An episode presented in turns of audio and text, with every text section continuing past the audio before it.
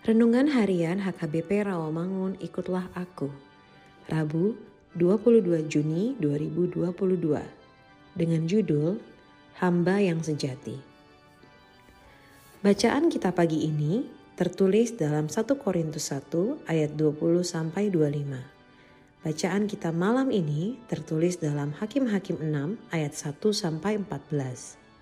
Dan kebenaran firman Tuhan yang menjadi ayat renungan kita hari ini tertulis dalam 1 Korintus 4 ayat 4 yang berbunyi, Sebab memang aku tidak sadar akan sesuatu, tetapi bukan karena itulah aku dibenarkan. Dia yang menghakimi aku ialah Tuhan. Demikian firman Tuhan. Sahabat ikutlah aku yang dikasihi Tuhan Yesus. Jemaat Korintus sedang terpecah belah mereka berkelompok-kelompok sesuai pimpinan rohani yang mereka agung-agungkan. Sebab itu, Paulus mengoreksi pemahaman mereka mengenai pemimpin rohani.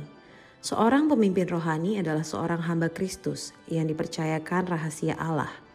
Apa yang penting bagi Paulus adalah penilaian Allah terhadap pelayanannya hingga suatu waktu kelak dia menerima pujian dari Allah. Paulus mengimbau orang Korintus untuk berhenti menghakimi hamba-hamba Tuhan karena sesungguhnya mereka menghakimi hanya berdasarkan apa yang mereka lihat.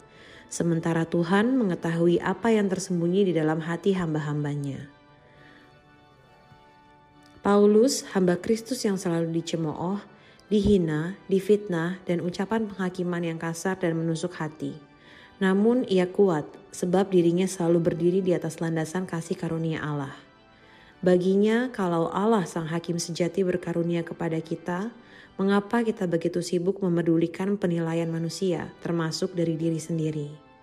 Dengan mantap, Paulus berpijak di atas fondasi kasih karunia Allah dan memusatkan perhatian pada pelayanan yang dipercayakan kepadanya.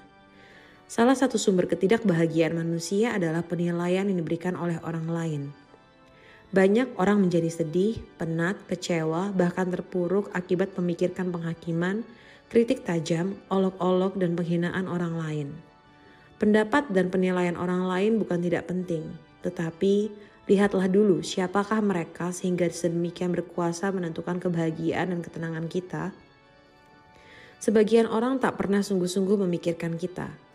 Bukankah lebih baik memikirkan hal-hal yang positif dan berguna? Amin.